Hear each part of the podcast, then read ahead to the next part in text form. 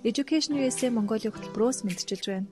Бид энэхүү цуглал подкастаараа дамжуулан Америкийн нэгдсэн улсад дэлхийд тэргуулах боловсрол эзэмшээд их орондоо иргэн ирж мэрэгжлэр салбар салбартаа манлайлан ажиллаж буй Монгол залуусын төвийг хэрэгж байхаар зорилоо.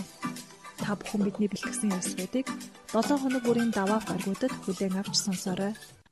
Сайн байцгаана уу сонсогчдоо та бүхэндээ энэ өдрийн мэндийг хүргэе. Америк төсөвчдийн холбоо буюу MASA, Education USA хамтран бэлтгэдэг Америкт суралцсан миний түүх цуврал подкастын маань энэ удаагийн дугаар эхлэхэд бэлэн болоод байна. Ингээд энэ удаагийн хаан зочноор та бүхэнд Америк нэгдсэн улсын Montana State University-г бэлчээрийн экологи чиглэлээр магистрийн зэрэг хамгаалсан самдан жигмэд ахыгаа урьж оролцуулсан байгаа. Ингээд бидний урилгыг хүлээж аваад подкастэнд оролцохоор болсон танд маш их баярлалаа. Ингээд та өөрийгөө танилцуулаад подкаста эхлүүл хүрэлцгээе. За баярлалаа. Сайн байцгаана уу? Подкаст сонсогч баян өдрийн мэнд хүргэе. За мөн түнчлэн намайг подкастт орж оролцуулж байгаа Масагийн хамт олон болоод US Education эзлэгийн хамт олонд маш их баярлж байгаа илэрхийлье. За би бол Америкийн нэгдсэн улсад магистрийн зэргийг сая хөтлөж маань хэллээ. Бэлчээр экологи буюу англиар Rangeland Ecology гэх мэргэжлэр 2012-оос 15 оны хооронд суралцж төгссөн. Америкт суралцахаас өмнө бол Монгол улстай бакалаврын зэрэг эзэмшсэн. Ялангуяа баруун хязгаарт буюу Ховд аймгийн хуучин нэр багшийн дээд сургууль буюу доогоор бол ховд сургуулийг газар зүйн багш мэргэжлээр төгсөөд тэндээ ажиллаж амьдарч байгаад 2012 онд Америкт суралцах боломжууд олдоод тэгээд тэнд суралцаад ирсэн. За юуны өмнө яагаад Америкт сурах болсон гэдэг шалтгааныг асуухаас өмнө таны нөгөө нэг сургуулийн талаар болон одоо энэ мэрэгжлийн талаар бас нэлээд дэлгэрэнгүй ярилцмаар санагдаж байна л да. Яг энэ бэлтгэрийн экологи чиглэл. Тэгэхээр одоо яг энэ одоо чиглэлээр та юу хийдэг вэ? За мөн Америкт ер нь яг энэ бэлчээрийн экологи буюу одоо төлхөө одоо байгаль орчны чиглэлээр суралцахад ер нь яг ямар хуу байсан бэ? Энэ талаар. За бэлчээр экологи буюу rangeland ecology гэдэг мэргэжил маань ер нь харьцангуй шинэ бас шинэ тутам хөгжиж байгаа шинэ ухааны салбар. За энэ бол амтан судлал, за ургамал судлал, биологийн салбараас ингээд салбарлаад хөгжиж байгаа шинэ салбар. Ялангуяа Америкт, Хойд Америкт маш эрчимтэй хөгжиж байгаа. За Монгол оронд ч бас энэ салбар бол маш чухал салбарт тооцогдож байгаа. Одоо орчин үед бол дэлхийн цагуурын дулаар за үүнтэй холбоотой үүдэн гарч байгаа сүлжилтийн асуудал тийм ээ. За дээрээс нь манайхан бүгдээрээ мэдж байгаа энэ бэлчээрийн талхагдлын асуудал. Мэдээж энэ олон асуудлыг судлах энэнд шинжлэх ухааны зөв зөвхөстэй шийдэл олоход энэ салбар чиглэж судалгааны ажлаа хийдэг. Би энэ салбараар сурах болсон шалтгаан бол ерөөсөө өсөж төрсөн нутагт тийм ээ баруун бүс нутагт ховд аймагт зөвхөн ховд аймагч гэлтгүй Монгол орны хэмжээнд намайг Америк явахын өмнөхөн бол ерөнхийдөө бэлчээрийн асуудал маш хурцаар тавигдж эхэлжсэн Монгол оронд даяар ойр ойрхон ган зууд болдог болчид малаа их хэмжээгээр алддаг бэлчээр доройтдог тэгээд цаашлаад зүлжилт бий болдог гэх мэт энэ асуулт бол ингээд Монгол орны нийт хамарсан том асуудал байсан. Энэ асуудлыг шийдэхэд өөрийнхөө хувь нэмрийг оруулах юмсан гэдэг ийм хүсэл зорилготой байсан учраас энэ чиглэлээр суралцахаар бэлдээд явсан. За би суралцахаас өмнө бол бас яг энэ чиглэлээр олон улсын судалгааны байгаль хамгааллын байгууллагт бас ажиллахдаа яг энэ чиглэлээр ажилладаг байсан.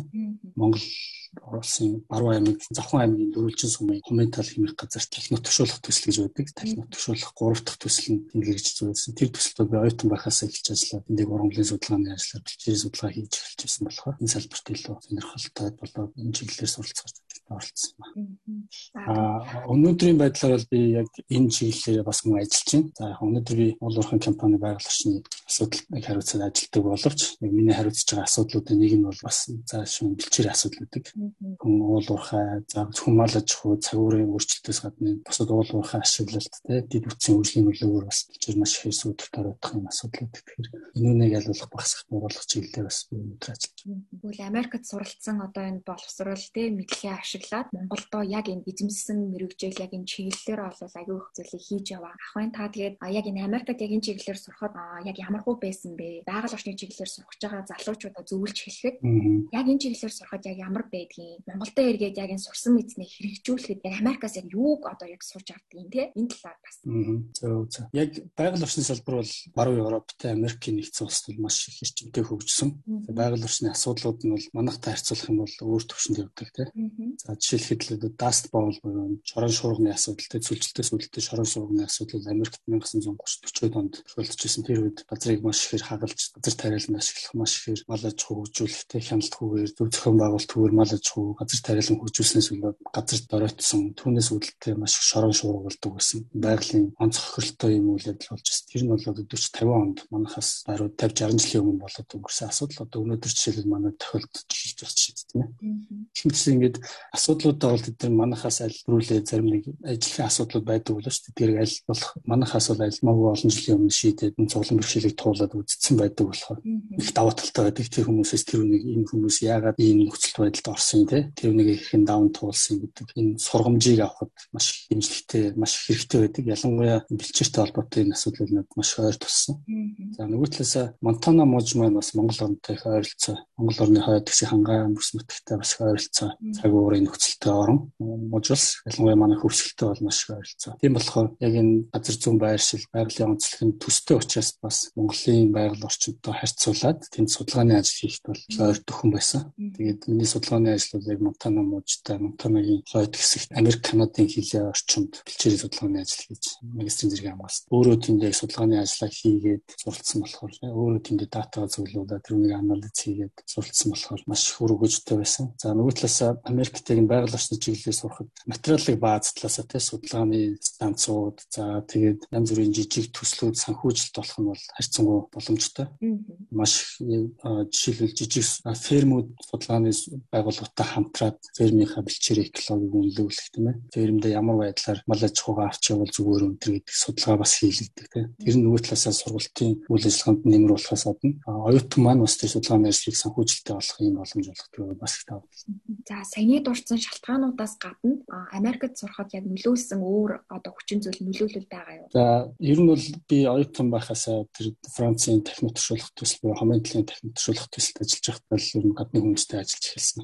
Оюутан бас 2 дугаар курсээс л ажиллаж эхэлсэн. Тэр хүмүүстэй ажиллаж байх явцад бол ер нь бидний сурсан шинжлэх ухааныг сурсан арга барил маань тэг шинжлэх ухаанд хандж байгаа. За дээрэс нь шинжлэх ухааны мэдээгээ анализ хийгээд үр дүн гаргаж байгаа энэ аргууд бол шал өөр төвшөнд байсан. Тэр хүмүүстэй харьцуулах бидний тэ бидний магистрийн биш бакалаврын зэрэгт Монголд ялангуяа баруун бүс нутагтаа эзэмшсэн.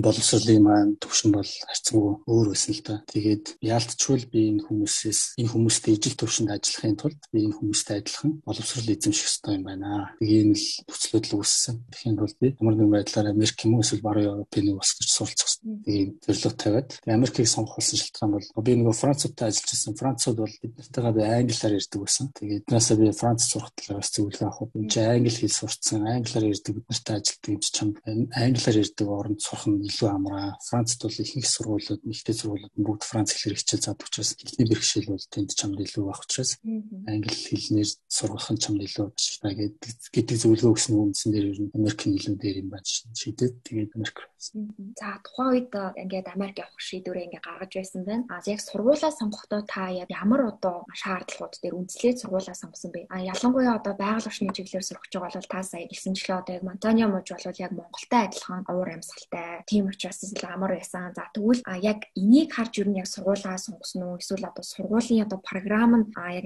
таны суралцах гэж байгаа чиглэлээр илүү одоо давуу талтай байсан уу? Юу нь яг сурагчид сургуулаа сонгохдоо яг юуг илүү анхаарч сурах хэрэгтэй байдаг юм болов? Зөв зөв. Ер нь бол өөрөө чи асууж байгаа хоёр юм хоёулаа орч нөлөөлсөн л дээ. За нэгдүгürt бид нарт бол мэдээж хөтөлбөр маш чухал тийм. Тэнд байгаа хөтөлбөрүүд нь үнэхээр миний сурахыг хүсэж байгаа. Хичээлүүд тэнд нь байна уугүй юу гэдгийг нэгдүгürt харах хэрэгтэй. За ялангуяа миний сонирхож исэн илүү анхаарч исэн юм бол статистик анализ тийм ээ. Статистикийн боловсруулалт хийх, статистикийн янз бүрийн аргуудыг суралцах ийм зорилго байсан. Манай боловсруулалтын салбар болон одоо одоо ямар болсон мэдэхгүй намайг бакалавр сурч явах үед бол маш статистик гэдэг хичээл багт ордог байсан. Тийм болохоор шинжлэх ухаан бол заавал статистик тийм тоо баримтан дээр үндэслэж явж байгаа хэрэгтэй учраас статистик маш чухал юм байна гэдэг үндсэндээ статистикийн хичээлд нь их ач холбогдол өгчээсэн.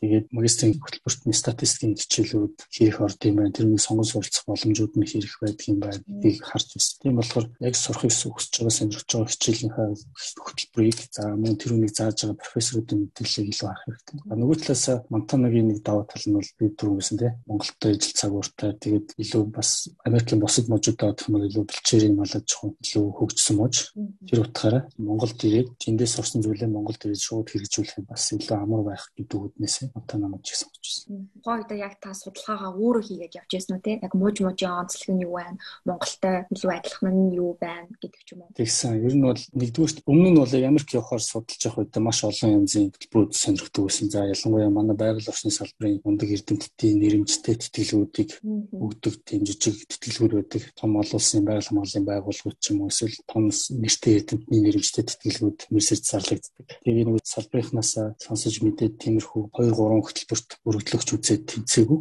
Тэгж явахдаа би ямар ч магистрт Америк сурахын тулд GR гэдэг шалгалт өгөх хэрэгтэй юм байна гэд ховдос Улаанбаатар дээр GR шалгалт өгөх GR-ийн сургалтанд сууж явах явцдаа энэ Америкийн нэгдсэн улсын Симазын тэтгэлэг болох Fulbright-ийн тухай олж мэдсэн.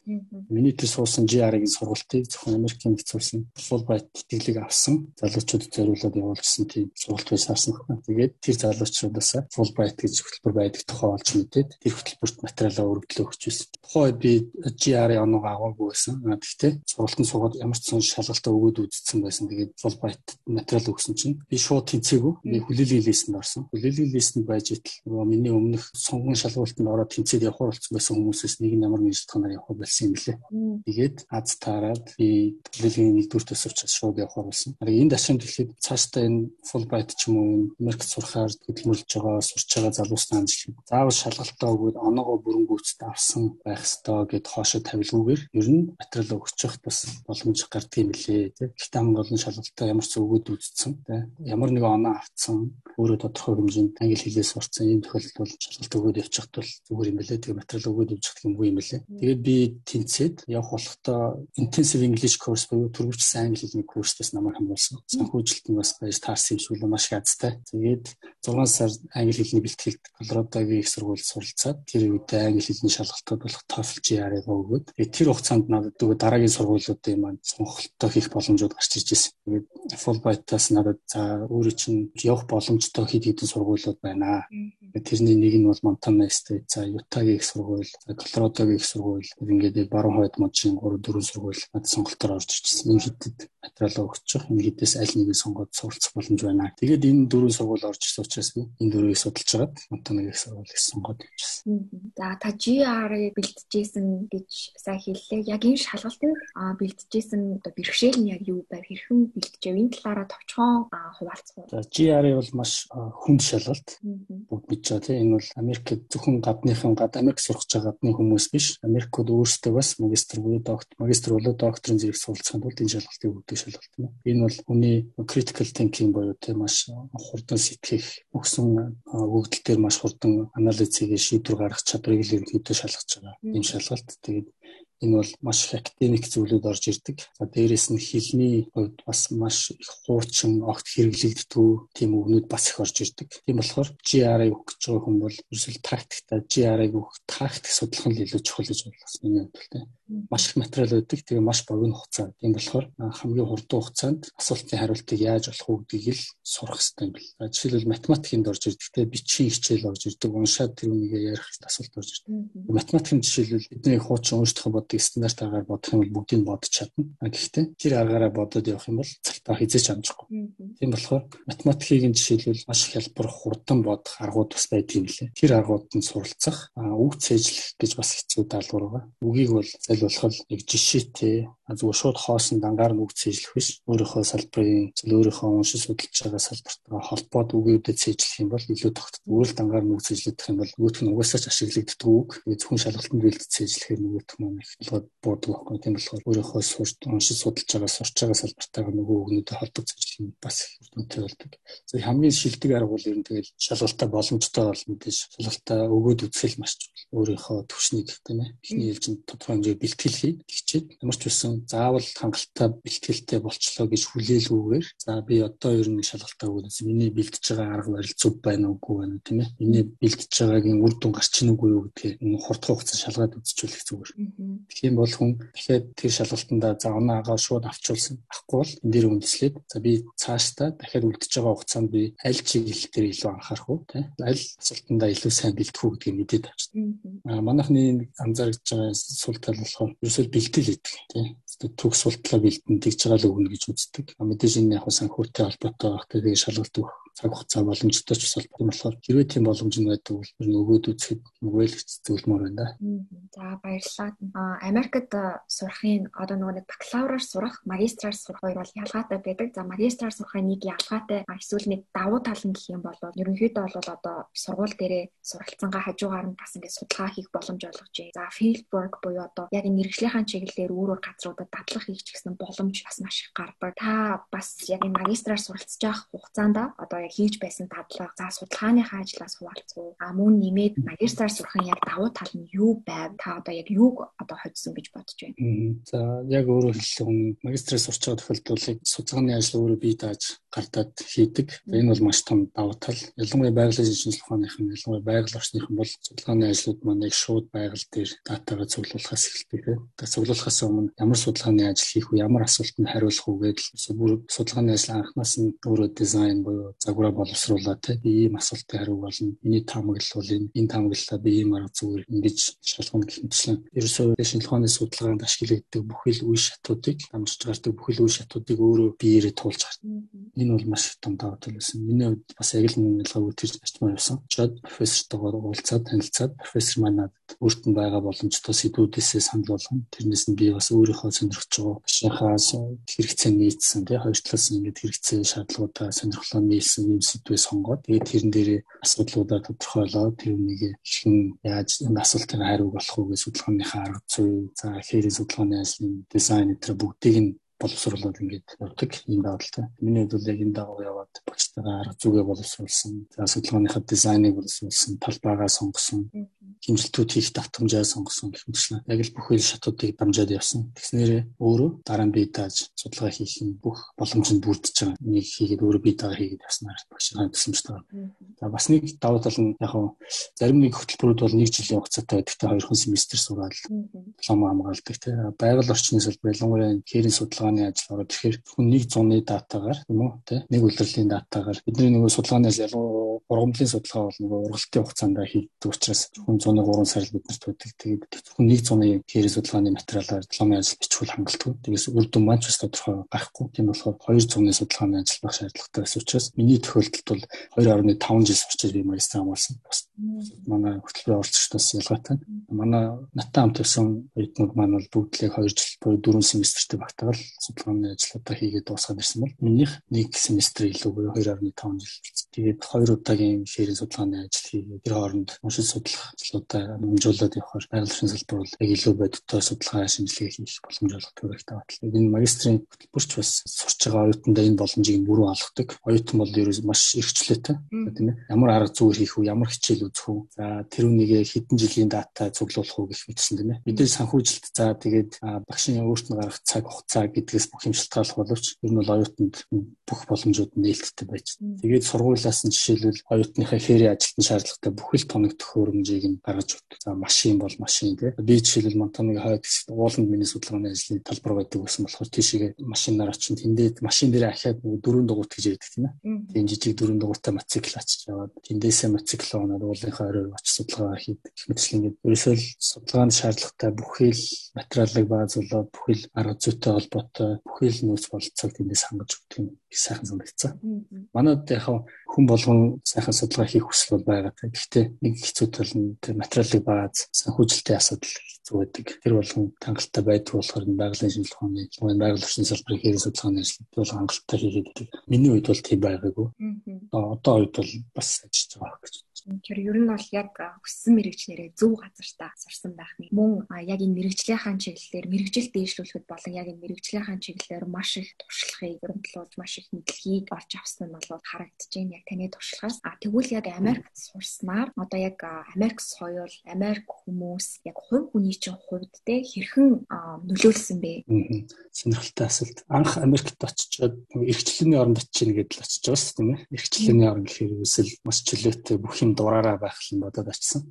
Гэтэл эсэргээрээ бүр очиж шокнд орж исэн. Маш их дүрм журамтай. Жишээлбэл сургуулийн саксны гаднахт саксны тоглоомын талбай дээр жишээлбэл орой 9 цагаас хойш тоглож болохгүй гэдэг ч юм уу те. За тэгэл авто замын дүрм бол маш чанга те. Зогс тэмдэгэн дээр заавал зогсох хэрэгтэй гэдэг ч юм уу тийм. Хинчлэн ингээд маш их дүрм журмууд байдаг. Тэр дүрм журмаа тэнд амьдарч байгаа хүмүүс бүгдээрээ ягштал мөрддөг. Тэр нь надад үнэхээр гайхмаар санагдчихсан. Очоод бас тэрнийг хараад гайхчлаа Америкийн эрхчлэлийн орнд ирлээ гэсэн биш харин зэрэгээрээ манах чинь бол бүх юм тоглоом шоглоомор хэлхийтэй эрхчлөөтэй мэдтэй бүх юм хүн хүссэн хүн болгон хүн болгон хүсснээ хийдэг те замаг хэлгөөний дүрмийг жишээлбэл тэр болгон маш сайн бүрдэж байгаа. Замаг хэлгэнд оролцож байгаа хүн хэрвэлээ Монгол те хэвчлэн манах бол зэрэгээрээ муудалаараа эрхчлөө нэвтрхий хөгжсөн а тэнд бол таны эрхчлөө бусдын эрхчлөөр зарлагдана гэдэг тэр дүрм бол маш маш бодитойгоор хэрэгждэг юм байлээ. Тэгээд энэс маш их зүйл сурсан за буцаж ирээд тэр нь өөрөө хариуцлага л байна л да тий. Та нийгмийн нэг хэсэг болоод амьдарч байгаа бол хариуцлага хүлээх хэрэгтэй тий. Бусдыг хүндлэхтэй, дүрм журмаа дагаж мөрдөх хэмжлээ иймэрхүү зүйлүүдийг савсан да. Тэр нь бол одоо ч гэсэн амьдралдаа хэрэгжүүлээд явдаг. Аль болох одоо маш энгийн юм байдаг шүү дээ. Сургууль дээр жишээлбэл бид нарыг очиод ориенташн дээр манай сургууль дээр бид нар нэгэндээ хаал гонголж өгдөө гэдэг. Нэгдүгээр курс нь бүгдэнд нь хэлж байгаа юм. Тэгэл ардны явж байгаа хүн заавал хаалга онгойлж өгдөг. Эсвэл өөрөө төрүүлээд орсон бол гараараа хойно хаалга барьж байгаа таас оруулдаг гэх мэтчлэн. Маш энгийн тийм дүрмүүд. За тэгэл явган хүний гарцсан дээр бол заавал гэрэл төхөө байхгүйсэн ч гэсэн тийм. Гарцсан дээр заавал явган хүн зам тавьж өгдөг. Мэтчлэн маш энгийн болоод нэг нэгэ хүндэлж байгаа энэ соёл бол монголчууд ч гэсэн аваад өдөр тутмаа хэрэгжүүлж байвал сайхан орчин бүрдүүлэхээр ийм л зүйлүүд сэтгэлд үлдсэн дээ. Тэгээд дадал амьдралын нэг хэвшил дадлуудад үлдсэн дээ. За тэгвэл Америкт суралцаж байх үеийн турсамжаасаа бидэнтэй хуваалцах уу? Одоо яг ингээд одоо харахад яг хамгийн хэцүү сорилттой санагдчихсэн үе нь юу байв? Энийг хэрхэн одоо давах гэж хичээж байв? За мөн одоо хамгийн сайхан дискэлтжүүлсэн гоё дурсамж байвал бас хуваалцах. За сайхнаас нь эхэлчихв. Сайхан нь би гэр бүлийн хүнтэйгээ хамт явсан юм дэс. Тэгээд бид хоёр шинэхэн асууд байсан. Очоод бид хоёр хүүхэдтэй болсон. Америкт. Анхны хүүхэд маань Америкт төрсэн. Тэр бол бас сайхан дурсамжтэй. Анхны хүүхэд маань гадаадд төрсэн. Одоо тэгээд Америк Монголын хоёр иргэншилтэй. Одоо 18 нас хүртлээ аль аль нь хараалаад 18 нас хүрснээс хойш л өөрөө сонгоод явах. Тэгээд тэнд аав ээж болж исэн тэр бол маш сайхан дурсамж. Одоо ч гэсэн манай охин Америк иргэн гэл нөгөө Монтана мужа байгаад миний төрсөн нутаг. Тийшээ дагуулж явах бас мөрөдөлтэй байна. Ойрын хугацаанд болж игэл эрхчлээс гэр бүлэрээ тийш аялах төлөвлөлт байгаа. Тэгээ тэнд гэр бүл маань дөнгөж нэр бий болсон тий анхны хүүхдээ тэмдэглэхэд авсан. Тэгээд мэдээж сургуулаа төгсөөд диплом аваад ирсэн гэдэг утгаараа бол Америкийн Монтана муж Америкийн ард түмэнд бол маш их талархаж байдаг. Сайхан санагддаг. Монтана муж тухай хүн дэх таар би дандаа сайн сайхан ярьдаг. За тэр болон тэр сайхан мартагч байгаа турсамж. За мэдээж сорилттой зүйлүүд маш их байсан. Хилний тийм ээ хилний соёл хилчин л өөрөө тэр бүх юм нийлэл болж байгаа шүү дээ. Хилнээс өсвөдөд ойлголцох тийм соёлын ялгаа гэх мэтчлэн хамгийн сорилттой бие дааж сурах арга барилд суралцаагүй байсан нь л маш их сорилт болж исэн. Магистрийн зэрэгт ялангуяа магистр докторийн зэрэгт бол оюутнууд одоо манах шиг англи танх мэрэгчл орол багш нь алив даалгавраа хийсэн тэгсэн гэсэн хойноос нь явдаг. Суралцагч маань өөрөө хичээлээ сонгоод өөрөө бүх ажлаа хийдэг. Тэгээ өөрөө судалгааны ажлаа хийгээд маш бие даасан байдалтай мэдээж багшаас асуух юм аасан шаардлагатай судлах ёстой хичээлүүдээ бүгдийг судлана. Тэр явцдаа өөрөө бол бие дааж судалгааны ажиллаа хийх, нэмэлт материалууд унших. Тэгэл бусад гэрийн даалгавруудаа хийх гэх мэтчлэн. Эсвэл ихэнх суралц хугацааны 70 80% нь бие даалтаас шалтгаалж байгаа тухайн хүүхний. Тэгээд миний анзаарснаар яг зөвхөн миний тохиолдол магадгүй бид нарыг бие дааж суух чадварт сайн хангалттай сайн сургаагүй гэдэг юм санагдсан. Тэгээд тэгэхээр би цаашдаа суралцах залуучуудад ер нь аль болох бие дааж сурах чадвараа фитнесээ хөгжүүлэх Үнээр хэлүүлгүй, үнээр шахуулгүй өөрийнхөө сурахыг хүсэж байгаа, хийхийг хүсэж байгаа зүйлээ бие дааж сурах л хамгийн чухал юм байна гэж ойлгосон. Тэгээ бие дааж сурах чадвар маань сайн биш байснаас үүдэлтэй. Яг ихний ганц зөвлөл бол жишээлбэл даалгавруудаа цаг хугацаанд хийж өгч чадахгүй тий. Зарим нэг хичээл дээр фул байтер явж байгаа оюутнууд бол жишээлбэл бүгд л 80-аас дээш авчихсан, 85-аас дээш авчих хэрэгтэй байдаг. Тэгжиж нөгөө хөтөлбөр маань тэтгэлэг маань үйлчлэн 85-аас доош авах юм бол тэтгэлийн зогсох хүртэл арга хэмжээ авдаг. Тэгээ би нэг хичээл дээр эхний семестртээ тий энэ бол маш чухал. Эхний семестртээ 85-аас 82 аваад нэг 85 авах хэрэгтэй ш 85 авах хэрэгтэй бол 85 л авах хэрэгтэй. Би 82 авсан. Тэгээд тэрэн дээр нөгөө Fulbright-ийн зохицуулагч маань холдоо за яа юу болов те ямар зовлон бэрхшээл байв яа юунаас л ингээ 85 авчихсан гоо энэ. Тэгээд дахиад дараагийн удаа 85-аас доош авах юм бол дэлхий чинь зогсоох хүртэл арга хэмжээ нутгур чинь буцаах хүртэл арга хэмжээ авнаа гэдэг нэг шаардлага тавьжсэн. Тэр үед бол бас шадарч исэн л да. Маш ихтгэл хүлээлгээд Америк Монгол улсын хоёр улсын дунд итгэлийг авцсан. Тэгээд тэрнийхээ шаардлаганд хүрч чадахгүй зөвхөн нэг хичээл тэгээд тэр 3 оноо ч гэсэн те 80 80 би бол би гэтэл нөгөөх маань 85 байх хэрэгтэй. Тэгээд тэн дээр бол маш их шантарч ирсэн би чадахгүй юм байна. Нэр нь дахиад дахиад 80 авал яана те тэгвэл нутг руу буцах үед хүмүүс итгэлийг алдаад хоосон буцаад очих үед хэмжлэн маш айдастай санаа зовоожсэн. Тэгээд л мэдээж хичээсэн. Тэгээд тэрнийхээ үр дүнд бол тэрнээс хойш бүх хичээлүүдээ 85 90 аваад шалгаа хангаад суулаад ирсэн. Тэгэхээр тэг би даа суулцах чадвар тэгээд мэдгүй байгаа эсвэл ойлгохгүй байгаа юм а дор бүрн багшаасаа ямар ч хичээл байсан тийм багшаасаа эсвэл хамт суулцж байгаа оюутнууд басан нээлттэй чөлөөтэй асууж ахал юм нийшилдэг арга билээ. Тэгээд явандаа тэр аргад илүү суралцаад эхлэхээр тэгээд энэ хэцүү чадахгүй зүйлэр юусэн байгаагүй. Зүгээр л аргаа болоход л хэцүү байсан. Тэгэхээр маш чухал санагдаа хуваалцлаа л да. Ялангуяа одоо тэтгэлэг хөтөлбөр тэнцсэн хүмүүс маань за тэтгэлэгтэй тэнцчлээ гэж санаа амар байдаг те. Тэгэхгүй одоо хадгалж үлдэхийн тулд төгсөн төгслөө хичээх хэрэгтэй байх нь тэр босоо онооноос дээгүүр тэгээд суралцах хэрэгтэй байдаг байх нь. Тэгэхээр заавал тэтгэлэг тэнцлээ гэдээ ерөөсөө санаа амарч болохгүй байх нь. Энэ дээр нэмэгдээд харин маш их хариуцлага илүү тий илүү хариуцлага. Танаас ойлгож авлаа. Баярлалаа. За бас дээрээс нь Америкийн нэгдсэн улс ялангуяа одоо Монтана мужи бол одоо таны ажил мэргэжлээс гадна таны амьдралд маш том дурсамжийг үлдээсэн түүхтэй юм байна. Тэгээд мэдээж Америкт анхныхаа хүүхдийг үлээдэж авсан гэдэг бол маш гоё дурсамж. Тэгээд энэ түүхээсээ хуваалцсан танд маш их баярлалаа. Ингээд хоёулынгийнхан подкастаас нэлийн өндөрлөх төгсөж байгаа учраас сүүлийн асуултууд руугаа ороод явъя. За та ингээд сургуулийнхаа талаар бас сая товчхон дурдаад өнгөрлөө. За танаа сургууль яг энэ хөгжлийн бэрхшээлтэй хүмүүс очиж суралцаад хэр ээлд орчныг бүрдүүлж чадсан бэ? Энэ талаар.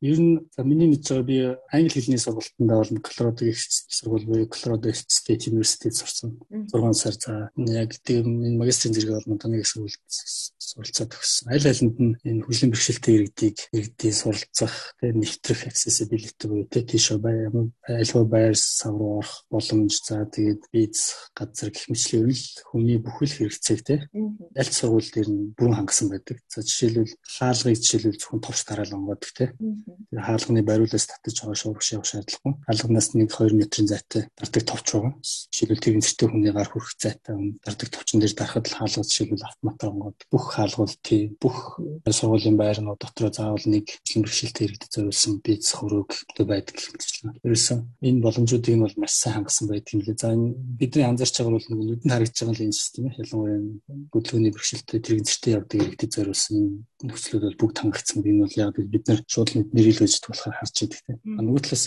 сургуульд маань яг хөгжлийн бэрхшээлтэй иргэдэд зориулсан офис гэж тусдаа тэр хүмүүсийн хичээл тий хичээлийн хөтөлбөр за тэр хүмүүс тулгарч байгаа асуудлуудыг шийдэх хэмжээний энэ хүмүүс зориулсан бүр сургалтын албан дотор нь тусдаа хилдэс офис байдаг юм лээ.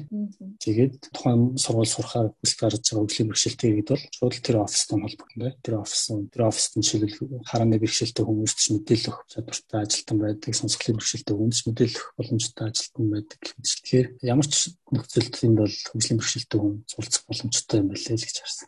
За ингээд үгнээд хэлэхэд та ер нь яг энэ Америкт явах гэж байгаа. Америк явахыг хүсдэг, сургуульд нь сурахыг хүсдэг залуус хандаж ямар зөвлөгөө өгвэ? За мэдээж хүн болгон хэлдэг багтаа өөрөөсөө ч мэдж байгаа. Англи хэл бол маш чухал. Тэгж академик чиглэлээр тийм сурна гэдэг бол академик зөв шинжлэх ухаан. Энд бол мэрэгжлийн өндөр түвшний англи хэл шаардлагатай. За мэдээж англи хэлээ сайн сурах шаардлагатай. Нөгөө талаас өөрийнхөө сурах гэж байгаа сэдвээ маш сайн ойлгосон. Тэрийг маш үнэхээр чин сэтгэлээсээ сонирхдаг тийм л баг. Тэхийн тулд аль болох Монголдо тэр чиглэлээр ядаж 1 жил 2 жил суралцсан тийм эсвэл бакалаврын зэрэгээрээ тэр мэрэгчлэрээ суралцчихсан. За бүр болж өгвөл тийм ялангуяа graduate degree буюу магистр докторт сурах гэж байгаа бол тодорхой хэмжээнд яг өөрийнхөө сурах гэж байгаа чиглэлээр ажил хийгээд үзсэн, ажил хийгээд туршлага хөрвүүлчихсэн байх юм бол шууд сурахад шал өөр. Ямар нэгэн мэрэгчлэр нөгөө сурч байгаа мэрэгчлэрээ ажиллаж үзээгүй, нөгөө сурч байгаа мэрэгжлийн жаргал зовлон мэдэхгүй хүн бол бас тэр болгон очиод ялангуяа би бол нөгөө магистрийн зэрэгт явсан болохоор илүү тэр талаас нь яриад байгаа шүү дээ. Тийм болохоор яг үнэхээр өөрийнхөө сурах гэж байгаа салбартаа чиглэлээр цоо хэмжээнд ажиллаад үзэх бол хэч зүйл. Тэгэхээр тэгчээд очиод аж сурах юм бол бүр илүү юм сурна. Судалгаагаа зүгээр тий одоо өөрөө чинь ажиллаж байгаа өөрөө чинь сонирхож байгаа салбарын хэцүү юм нэг юу гэдэг тий шийдэх шаардлагатай байгаа асуудал нь юу гэдэг. Тэрийг нь тий тэрийг нь шийдэхийн тулд нөгөө хувь хүнээс ямар ур чадвар шаардах юм өдр гэдэг ч юм уу тий. Энэ болгоныг өөрөө мэдээд очисон тохиолдолд яг тэр чиглэлүүдээр илүү сайн өөрийгөө хөгжүүлэх боломж үлдээх байх байхгүй. Тийм болохоор өөрийгөө маш сайн таньж мэдчихэж сурах юм бол сурсан зүйл маань илүү амьдралд өгөөж өөрт нь хэрэгтэй болно. Маш үнэтэй зүйл. Сэтгэлийн яг хөрлөөр биш те ялангуяа залуучууд ч ямар шиг сэтгэлийн хөрлөөр хэдүр гаргадаг Америк гоё орон эсвэл одоо найз нөхд нь очиод сурангууд би яагаад сурч болохгүй гэж гэх мэтчлэн хор шарандаа ч юм уу те ингээ шийдвэр гаргадаг. Тэгэхгүйгээр яг буур суурьтай судалгаагаа маш сайн хийгээд өөрийгөө яг олж таньж мэдсэний дараа энэ шийдвэрийг гаргаарай гэсэн зөвлөмжийг хэлээ. За тэгээд Америкт суралцсан нарийн туршлагаасаа бидэнд хуваалцсан танд маш их баярлалаа. Алдаатай оноотой, сургамжтай, дурсамжтай түүхүүдээсээ хуваалцсан гэж бодож байна. За мөн дээрээс мэрэгжлийн талаар маш сайн дэлгэрэнгүй мэдээлэл өглөө. Тэгээд энэ яг мэрэгчлэрийн их орондоо бас хэрэгтэй зүйлээ хийгээд их орны хойно байгаль орчны хамгаалтанд өөрийнхөө хувь нэмрийг оруулж байгаа танд маш их баярлалаа. Муурлах хүлээж авсанд баярлалаа. За та бүхэндээ бас их баярлалаа. Тэгээд залуу үедээ мэдээлэл хуваалцах боломж олгож байгаад их баярлалаа. Бид нар хэдийгээр сураад өөрсдөө болгосон ч гэсэн бидний үүрэг бол нийгэмд оруулах бидний хийж чад хамгийн энгийн зүйл бол өөртөөхөө сурч мэдсэн уулзч чадах энгийн туршлагуудаасаа тий залуу үедээ хуваалцах нь бол бидний үүрэг гэж үзэж байна. Тийм болохоор ийм боломж олгосон та бүхэнд маш их баярлалаа. Аа баярлалаа. Ингээд бидний подкастыг үргэлж сонсдог та бүхэндээ баярлалаа. Ингээд дараагийнхаа Америк зуралцсан миний дөх цуврал подкастаар эргээд олцъя. Америкийн нэгдсэн улсын засгийн газраас санхүүжүүлдэг Education USA Mongolia хөтөлбөрийн хэрэгжүүлэгчээр Монгол дахь Америк төгсөгчдийн холбоо ажиллаж байна та Америкт ихтэй сургалт хэрхэн суралцах тухай цогц үнэн зөв мэдээллийг үн төлбөргүй авахыг хүсвэл Education USA Mongolia хөтөлбөрийн боловсролын зөвлөгөөдөд хандаарай. Бидэнтэй холбогдохыг хүсвэл www.masa.org цэгийн цахим хуудасаар хандж болохоос гадна Facebook, Twitter, Instagram дээр Education USA Mongolia дагаарай. Ирэх даваа гарагт иргэн уулзлаа түр баяртай.